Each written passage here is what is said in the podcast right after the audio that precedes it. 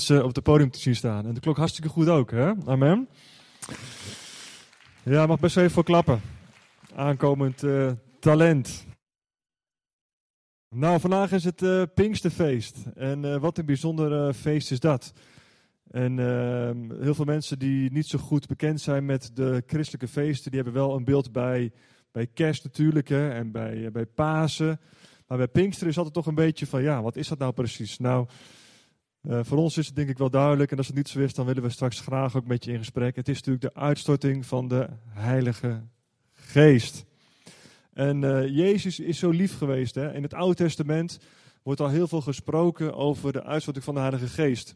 En uh, Jezus die, die, spreekt ook vlak voordat hij gaat, gevangen wordt genomen, vlak voordat hij dus um, gekruisigd wordt en naar de hemel gaat, dan zegt hij tegen zijn discipelen: um, Wees maar gerust, ik laat jullie niet als wezen achter. Want hij weet, ik ben straks in de hemel, maar mijn discipelen lopen nog een beetje doelloos en stuurloos rond. Maar hij zegt, ik laat jullie niet als wezen achter. En wat een mooie, liefdevolle belofte is dat. Dus Jezus in de hemel, God is in de hemel, maar hij stuurt iemand die in je woont. Amen. Voor elke gelovige is de Heilige Geest beschikbaar. Als je gelooft in Jezus Christus, dan komt de Heilige Geest in je. Dat klinkt misschien als je niet zoveel ervaring hebt, een beetje van ja, Heilige Geest in je, hoe zit het dan, hoe werkt het dan? Nou, we houden twee keer per jaar een trainingsdag speciaal over het leren verstaan van de Heilige Geest. Zo belangrijk is dat. We hebben natuurlijk het woord van God, maar ook de Heilige Geest die is zo van belang. En hij spreekt, hij beweegt, hij leeft, hij laat je dingen zien. En hij wijst je dingen aan en hij eh, leidt bevrijdingen en hij doet van alles. En bij sommige mensen die denken, ik heb het laatst iemand horen zeggen, van ja, dat, dat was van vroeger. Ken je die uitspraak? De gaven van de Heilige Geest zijn van vroeger. Nou, God is niet veranderd, lieve mensen. En 2000 jaar geleden is de Heilige Geest uitgestort op de mensen die toen leefden. En vandaag de dag is die Heilige Geest nog steeds beschikbaar dat is zoiets moois. En we gaan ook even een stukje lezen over hoe dat gegaan is in Handelingen 2.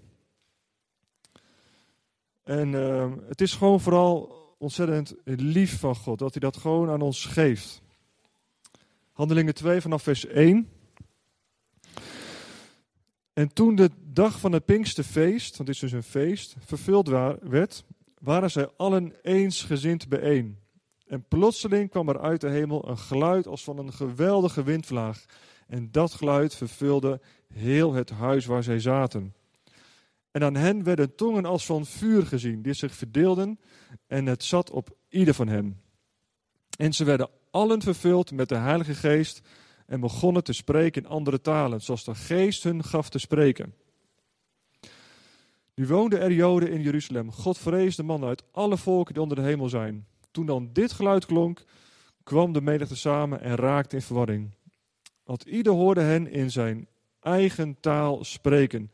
En ze waren alle buiten zichzelf en verwonderden zich. En zeiden tegen elkaar: Zie, zijn het niet Galileërs die daar spreken? Hoe kunnen wij hen dan horen? Ieder in onze eigen taal waarin wij zijn geboren. En dan gaan we even door naar vers 17. En dan gaat over de profeet Joël. En dat, is, en dat zal zijn in de laatste dagen, zegt God, dat ik zal uitstorten van mijn geest op alle vlees, op alle mensen. En uw zonen en uw dochters zullen profiteren. Uw jonge mannen zullen visioenen zien. En uw ouderen zullen dromen dromen. En ook op mijn dienaren en op mijn dienaressen zal ik in die dagen van mijn geest uitstorten. En zij zullen profiteren. Dus, wat zullen we gaan doen? Profiteren. Onder andere. wat is nou het eerste wonder wat er gebeurt als je de Heilige Geest ontvangt? Je kiest voor Jezus, je neemt Jezus aan.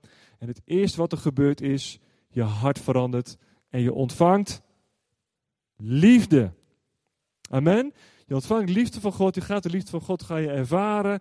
Je mag leren van jezelf te gaan houden en je mag gaan leren houden van de mensen om je heen. En je gaat vervuld worden met liefde. En dan komen al die gaven van de geest die je mag nastreven, zegt, zegt de Bijbel. Je mag streven naar de gaven van de Heilige Geest. Het is een cadeautje van God. Waarom zou je het laten liggen? Mag streven naar de gaven van de Heilige Geest. En dan komt ook de karakter, wordt ook getraind. Hè? De vrucht van de geest, de gaven van de geest en de vrucht van de geest. Nou, lieve mensen, zoals we hier bij elkaar zitten, Ehm, iedereen van ons heeft wel ervaring met de Heilige Geest. En ehm, we gaan dadelijk ook wat verhalen horen van de Heilige Geest. De Heilige Geest die kan de meest bijzondere dingen doen. Hij kan je aanraken, kan je vervullen, hij kan je verfrissen, hij kan je ideeën geven over de situatie waar je in zit. Hij kan je antwoorden geven, hij kan je vergezichten laten zien over wat er in de toekomst gaat gebeuren. Hij kan laten zien waar je aan vastzit door dingen die in je verleden zijn gebeurd. Met de Heilige Geest is alles mogelijk. Amen. Het enige wat wij hoeven te doen is beschikbaar zijn en de wil hebben om te luisteren wat de Heilige Geest te zeggen heeft. En soms dan spreekt de Heilige Geest op hele bijzondere momenten. En soms kan het zo zijn dat zelfs je leven wordt gered door de Heilige Geest. Wist je dat? Soms kan het zijn dat. Uh, ja, even vol. Maar. Um, ja, soms kan het zijn dat je leven wordt gered door de Heilige Geest. En uh, ja, als je dan niet luistert, dan kan het gewoon je dood betekenen. Amen. Als je niet luistert op de juiste momenten, dan kan het je dood betekenen. En we gaan zo ook een verhaal horen, dat is net uh, ja, twee dagen terug gebeurd. En uh, ja. Ja, ja. En uh, dan ga het even van, van getuigen. Ja, doe maar. Ja. We, twee dagen geleden ging ik uh, werken. En uh, het was uh, half zes. En ik wist er komt een bui aan. Een regenbui. Ik heb fietsroutes, dus ik moet gewoon op de fiets. Ik zag hem aankomen, maar ik zei nog tegen Willem: Maakt niet uit, ik ga gewoon fietsen. Ik laat de auto staan, komt wel goed. Heel even, kort, krachtig. En ik ben nog geen, um, geen uh, minuut weg. En uh, het begint te waaien. En echt hele harde regen. De bomen die. Het was echt eigenlijk best wel heel eng. Maar ik dacht van nou, ik, ik ga gewoon even schuilen. Dus ik ga onder een boom staan. Een enorme boom. Er waren heel veel bladeren zaten er al in. Ik denk, nou, dan sta ik heel eventjes te droog. En, maar het ging te keer en, het, de, de, de wind die, die, die woeide zo verschrikkelijk hard. En ineens, ik stond onder die boom en de Heilige Geest zei tegen mij twee keer: Ga fietsen, ga fietsen. Ik hoorde dat zo duidelijk. En toen ik, in eerste instantie dacht ik van, ah, nou, het is echt hele harde regen. Maar ik ben toch gegaan. En het moment, ik, ik denk dat ik een vijf meter verderop was, op, een, op een zebrapad, uh, hoorde ik achter me een heel eng geluid. Als de natuur zijn gang gaat, dan weet je gewoon, oké, dit is echt foute boel. Ik hoorde een, ja, ik kan het je niet beschrijven, maar er, er kwam echt een... Ik keek achter me en er kwam gewoon echt een halve boom naar beneden. En die klapte precies op de plek waar ik stond. En als ik dan besef dat als je op dat moment niet luistert, dan had het, was het heel anders afgelopen. Maar ik was zo dat ik dacht van, oh man, God, u bent echt goed. De Heilige Geest, mensen, lieve mensen, luister naar de Heilige Geest. Luister ook in nood, in blijdschap, in alles. In je hele leven, laat de Heilige Geest je leiden. Want het is, dit was echt noodzaak. Ah, later, toen ik had gewerkt en ik heb de eerste mensen waar ik kwam, oh, er is een wonder gebeurd. En ik heb het verteld en die mensen zeiden, ja, en de wonderen zijn de wereld nog niet uit. En ik denk, ik moet het vertellen hoe groot God is. En, um, en ik fietste naar huis en ik had Willem, nou, ik had daarvoor Willem al gebeld, dus die had al foto's gemaakt van hoe groot die tak was en, uh, en noem maar op. Maar ik fietste naar huis, ik was klaar met mijn route. Staat daar een brandweer die dus die takken aan het zagen was. En, maar in, in mijn beleving dacht ik van, oh, voor hetzelfde geld had er een ambulance gestaan. Er had een, een, een, een lijkauto gestaan in het ergste geval. Dus ik ben de Heer heel dankbaar. En daarmee wil ik jullie ook echt bemoedigen. Luister naar de Heilige Geest. Die hebben we niet voor niets gekregen op deze bijzondere dag. Dus ga met Hem.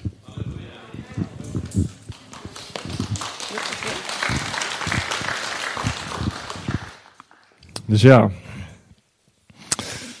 Heilige Geest kan je leven redden. Heel bijzonder. Goed, ehm, we gaan ehm, nog wat getuigenissen horen van, eh, van twee mensen. Ik doe deze dienst samen met, eh, met Johnny en René. En eh, Johnny en René die zitten al een tijdje bij ons in de gemeente. En ik vroeg van, willen jullie je officieel ook toevoegen aan de gemeente en ook voorstellen aan de gemeente? Het is wel leuk dat je ook echt een officieel moment hebt waarin je dan ook echt toegevoegd bent aan de gemeente. En toen zeiden ze, is goed, maar dan wil ik ook graag mijn getuigenis vertellen. Ik zei, nou is goed, ga ik eventjes kijken of we daar iets voor kunnen bedenken. En uh, vandaag was een mooie dag om een, je, om een nieuw gemeentelid voor te stellen en ook om te horen wat de Heilige Geest doet met deze mooie Pinksterdag. Dus ik weet niet wie als eerste naar voren gaat. Johnny. Ja. Nou, stel jezelf eerst even voor, dan eh, gaan we graag even naar je verhaal luisteren. Hallo, ik ben uh, Johnny, ik ben 39 jaar en ik kom uh, uit Nieuw-Leuzen. En ben twee jaar geleden ben ik bij deze gemeente gekomen. En ik, uh, ik heb in deze gemeente iets ervaren wat ik eigenlijk nergens in de wereld heb ervaren. Dat was warmte, liefde, geen oordeel. En ik heb echt een kans gekregen om ook nieuwe mensen te leren kennen en nou, vriendschappen te maken. Ik zal jullie vertellen hoe ik hier terecht ben gekomen, maar dat is iets minder mooi. Ik heb tien jaar eh, heb ik geworsteld met alcoholproblemen. En ik dacht altijd zelf wel dat ik het zelf kon oplossen, maar dat was niet het geval. Ik heb, uh, eigenlijk was het kliniek in, kliniek uit. En steeds leefde ik een stukje weer op, maar elke keer zakte ik weer terug in het gat. Ik was echt een man van de wereld. En leefde ook gewoon compleet in de wereld. Genoot van alles in de wereld. Drugs, uh, feesten, foute muziek. En eigenlijk is dat een beetje centraal geweest in mijn leven. Totdat ik in 2018 toen uh, kwam eigenlijk alles tot een climax. Toen had ik zoveel alcohol, drugs gebruikt, dat ik gewoon helemaal de weg kwijt was. En ik was gewoon een gevaar op de weg en in de maatschappij. Ik heb toen ook, uh, ben zo doorgeslagen dat ik drie, drie mensen mishandeld had. Ik heb zelfs een dier mishandeld. En ik weet nog dat ik zoveel ellende had en dat op een gegeven moment zag ik het ook echt niet meer zitten na die delicten wat ik allemaal gepleegd had. En toen had ik het al uitgeschreeuwd naar God. Omdat ik wist dat er ergens wel een God moest zijn die misschien mij wel kon horen. Maar ik was zo ver weg van, de, ja, van eigenlijk het geestelijke leven waar ik nu in zit. En ik schreeuwde het eigenlijk uit, op mijn knieën uit. En uiteindelijk dacht ik dat God mij niet gehoord had, maar God had mij een heel duidelijke keuze gegeven. Het was of je gaat met je oude leven verder en je sterft, of ik geef jou een leven en ik geef jou een mooi leven, een gevuld leven. Ik heb het altijd gezocht in sport, heb ik uh, kickboksen wou ik. Het was altijd de extreme wat ik deed. Altijd mezelf willen laten zien, in de picture staan. Ik wou een gevoel van waarde hebben, maar de wereld kon mij die waarde niet geven. Het was altijd een leeg hart wat ik had. En ik was eigenlijk continu depressief. Totdat ik de Heer Jezus leerde kennen. Ik kwam uh, uiteindelijk in de gevangenis terecht in uh, Almelo. Ik heb daar vijf en een halve maand moeten zitten voor mijn straf. En in de gevangenis was Jezus dichter bij me dan ooit. En dat klinkt misschien een beetje cliché. Denk ja, je hebt niks anders te doen, dat zal allemaal wel. Maar eigenlijk, die tijd die koester ik nog steeds. Omdat ik weet, elke dag was hij bij me. Ik las de Bijbel. En ik merkte ook dat hij me de, de veroordeling waar was over gesproken was, wat ik niet kende, liet hij me zien en ervaren. En ik ervaarde voor het eerst echt ook intens verdriet om de persoon die ik was en wat ik deed. Ik dacht altijd van, oh, ik ben wel redelijk sociaal, maar eigenlijk was ik een grote egoïst. Ik dacht alleen maar aan mijn eigen hachie. Ik dacht aan geld, macht, uh, grote huizen, dure auto's. Het was altijd gericht naar mezelf toe. Hij heeft me dat laten zien en ik ben een persoon, ik kan niet makkelijk mijn emoties tonen, niet makkelijk huilen, moeilijk. Maar er gebeurde iets toen ik op mijn knieën ging in mijn cel en ik, ik had alles opgeschreven wat ik verkeerd had gedaan in mijn leven. Al die veroordeling. Ik begon te bidden en ik herkende alles. En ineens kwam een stormvloed van regen gewoon uit mijn ogen. En het bleef maar stroom en maar stroom. Ik denk, wat is dit dan? Wat gebeurt mij hier nu? Ik denk, dat ben ik helemaal niet gewend. Maar dat gevoel was zo fijn. En ik voelde gewoon een last verdwijnen van mijn boskast als het ware. En ik ben toen ook naar de, naar de kerk gegaan in de gevangenis. En ik was volgens mij de enige die daar kwam voor de dienst. De rest kwam er om dingetjes uit te wisselen met elkaar. En toen sprak er een uh, voorganger, die had ongeveer hetzelfde leven gehad als ik. En die vroeg van, uh, is er ook iemand die zijn hart aan Jezus wil geven? Ik zei, ja, dat wil ik wel. Dus toen stond ik op de gang in de gevangenis tussen de moordenaars en van alles en nog wat. Stond ik te beleiden dat Jezus de Heer is. En het gek was, ik begon ook te huilen op de gang. En toen wist ik dat er iets in de gang was gezet. En ik voelde het en ik zag al die gevangenen omheen. Dus ik ging een beetje zo, want ik wil mijn tranen niet laten zien. Want dat is een teken van zwakte natuurlijk in de gevangenis. Ik had natuurlijk nog wel een beetje ego en image hoog te houden. Dus maar vanaf dat moment gebeurde er zoveel. Ik merkte ook dat ik in de gevangenis begon ik te evangeliseren tegen de mensen. Tegen mijn medegevangenen. Terwijl ik echt helemaal niks wist van het uh, geloof af. Dus maar ik begon ook tegen mensen, kop, ga ook naar de kerk, neem Jezus aan, dat is goed voor je. Dus ik heb het gemerkt en, en vanaf, vanaf, dat moment is het echt een avontuur geworden. Toen heb ik, uh, na vijf en een halve maand mocht ik daar de gevangenis verlaten en toen kwam ik hier in Zutphen terecht.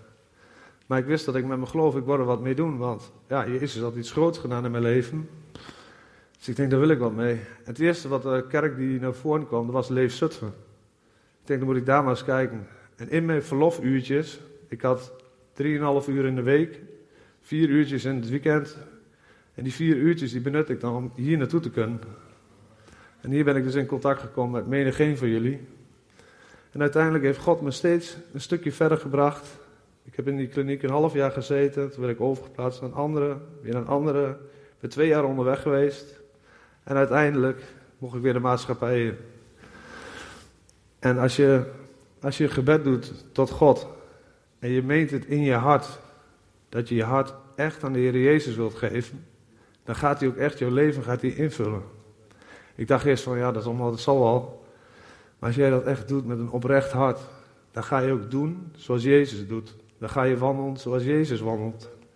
En daar heb je helemaal geen grip meer op. Mijn dagen zijn nu gevuld met het evangelie verkondigen tegen mensen, mijn getuigenis doen, mensen op te beuren, bemoedigen. En ik merk gewoon, je bent niet één klein dingetje van Jezus. Je bent alles van Jezus op elk terrein van Hemzelf. Dus je ziet op een gegeven moment wat er bij de mensen aan de hand is. Dus je gaat er naartoe en je springt erop in. En gek genoeg, ik zeg voor, voor die tijd wel eens: Dit is onmogelijk dat ik hier wat over God kan vertellen. Maar altijd, als ik zeg nooit, zeg hij altijd. Dat is zo bijzonder. Ik zeg, u maakt er gewoon een spelletje van. En dat gebeurt dus ook overal. En de dingen vanuit ik wil ook iets vertellen over de Heilige Geest. De Heilige Geest die is krachtig in ons allemaal. Alleen het enige wat wij moeten doen is, wij moeten die ene stap durven zetten om ook de Heilige Geest het werk te laten doen. En ik merk wel, wel eens in mijn broeders en zusters om me heen, dat hij daar net dat kleine stapje soms ontbreekt. Maar ik wil jullie graag daarmee bemoedigen dat als je gaat wandelen in geloof, het is niet een gevoeletje of zo, het is geloven dat het gebeurt. En dan gebeurt het ook. Ik heb voor verschillende mensen mogen bidden op in mijn werk.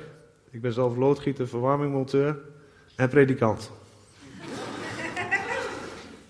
zijn gek genoeg, kom ik op mijn werk dan, altijd komt die ingang er. En dan zie ik mensen met gewoon heel veel zaken lopen die, ik van ja, dat pijn, verdriet, uh, afwijzing, uh, rouw.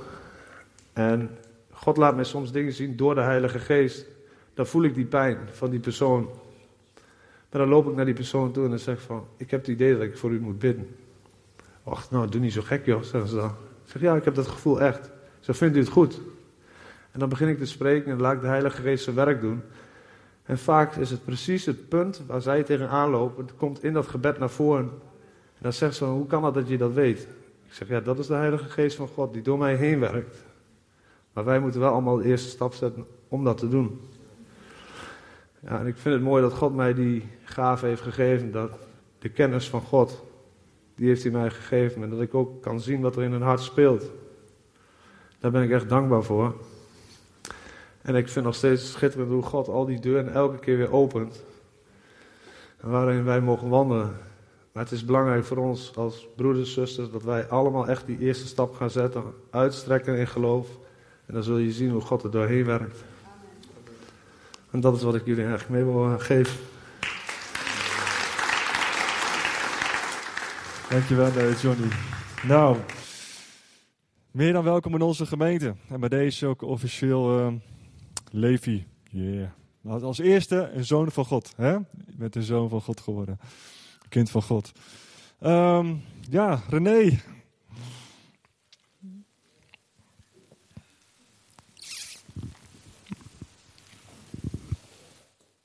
Nou, René, stel jezelf even voor en uh, we gaan graag naar je luisteren. Goedemorgen is het volgens mij nog. Goedemorgen. Ik ben uh, René. Ik ben uh, eh, 33 jaar inmiddels. Volgende maand word ik alweer 34. Um, kom uit Zwolle. Um, ben geboren in Meppel. Ben eigenlijk ja, met mijn ouders altijd naar de kerk gegaan. Eigenlijk vanaf dat ik vijf maanden was, ging ik eigenlijk al naar de kerk. Ben ook opgedragen aan God. En ik heb eigenlijk altijd door mijn hele leven heen ook die bescherming ervaren van God. Niet bewust, tot op de dag van vandaag kijk je op een gegeven moment terug en dan merk je gewoon van, daar is die bescherming geweest, daar heeft u ingegrepen. Maar goed, zoals ik al zei, uh, altijd naar de kerk gegaan samen met mijn ouders. Um, de omstandigheden op een gegeven moment, kerk in, kerk uit. Um, maar ik ervaarde God nooit zo. Mijn ouders wel. Ik merkte op een gegeven moment ook bijvoorbeeld mijn broer die kwam op uh, 17-jarige leeftijd terecht in de gevangenis. In verband met uh, mishandeling. En mijn ouders die, uh, ja, die hebben God toen echt altijd gezocht. Altijd. En blijven loven en prijzen, ondanks de situatie. En op een gegeven moment kwam mijn broer, die kwam op een gegeven moment vrij. En, maar die ging ook al heel snel weer ja, de verkeerde weg op. Um, wat ik op een gegeven moment deed, ik had gewoon, uh, ja, mijn leven ging eigenlijk gewoon prima aan de ene kant. Ik ging op een gegeven moment niet meer naar de kerk. Dus ik had gewoon mijn puberteit. Uh, mijn andere broer die zat in het leger. En die kwam alleen in de weekend af en toe thuis. Dus ik voelde me eigenlijk zo goed als enigst kind.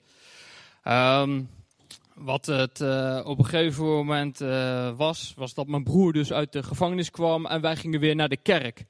Dat was wel heel bijzonder. Alleen ik ervaarde God niet zozeer. Ja, op een gegeven moment wel tot bekering gekomen, want ik wist dat dat nodig was. Op een gegeven moment ja, in het reinen te komen met God ook laten dopen.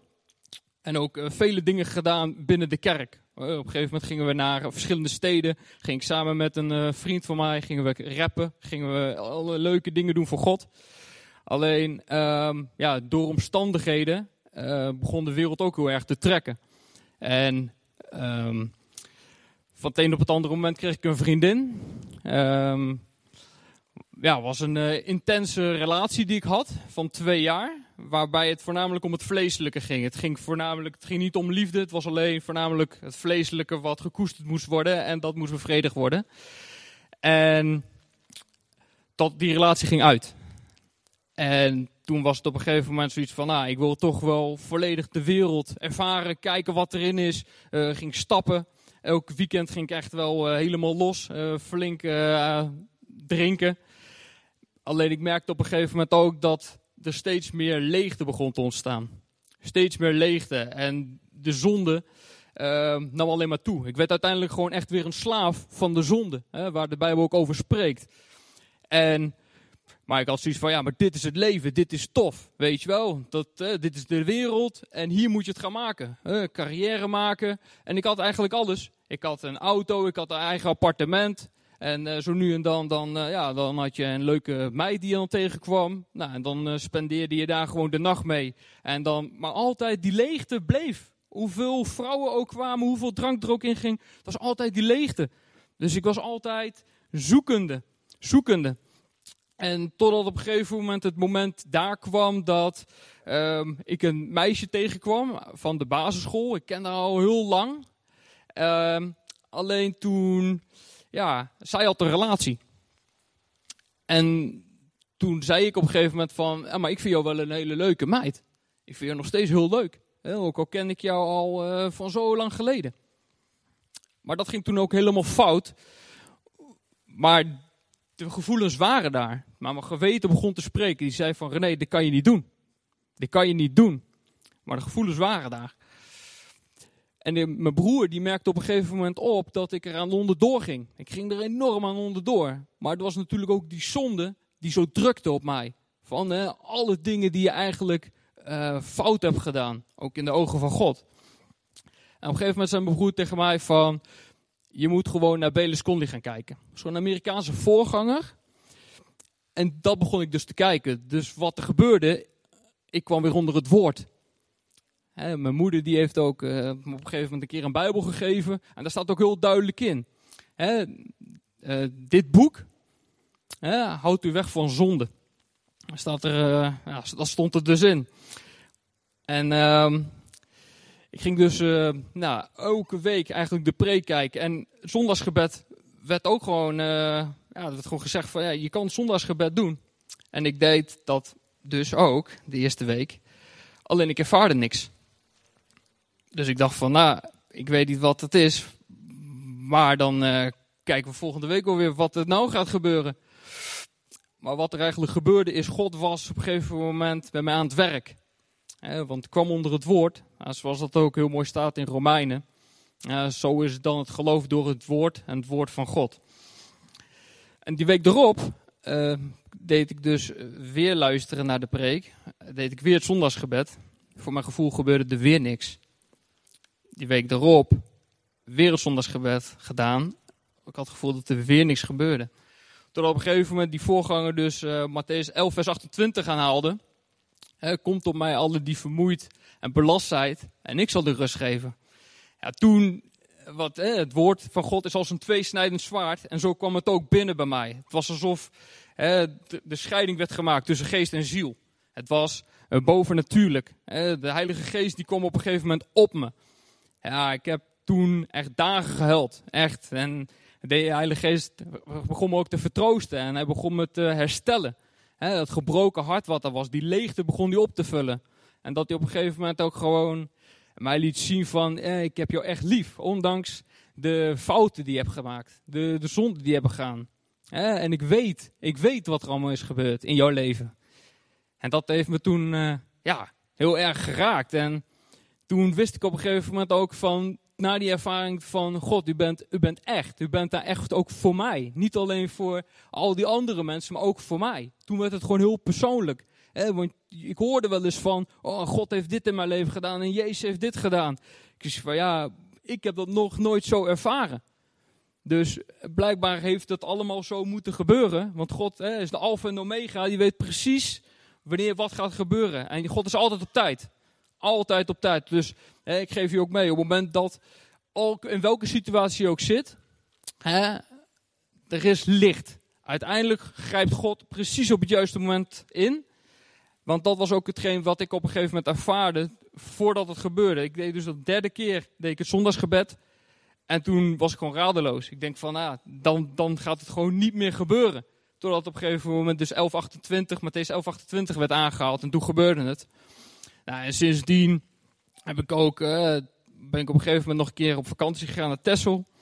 En toen hoorde ik van mijn neef, uh, Johnny, um, dat hij dus tot bekering was gekomen. En toen ben ik met hem in contact gekomen. Nou, en na verloop van tijd uh, zijn we hier in de gemeente terechtgekomen. Ik kwam eigenlijk terecht in een warm bad. Zo heb ik het echt ervaren. heel veel liefde ervaren.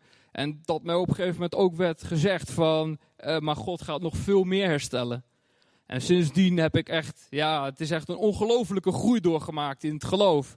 En uh, ja, ik wil jullie allemaal danken voor dat ik hier zo uh, ja, welkom geheten ben. En mooi mee kan liften met de livestream en leuke dingen kan doen. En ja, ik dank God bovenal.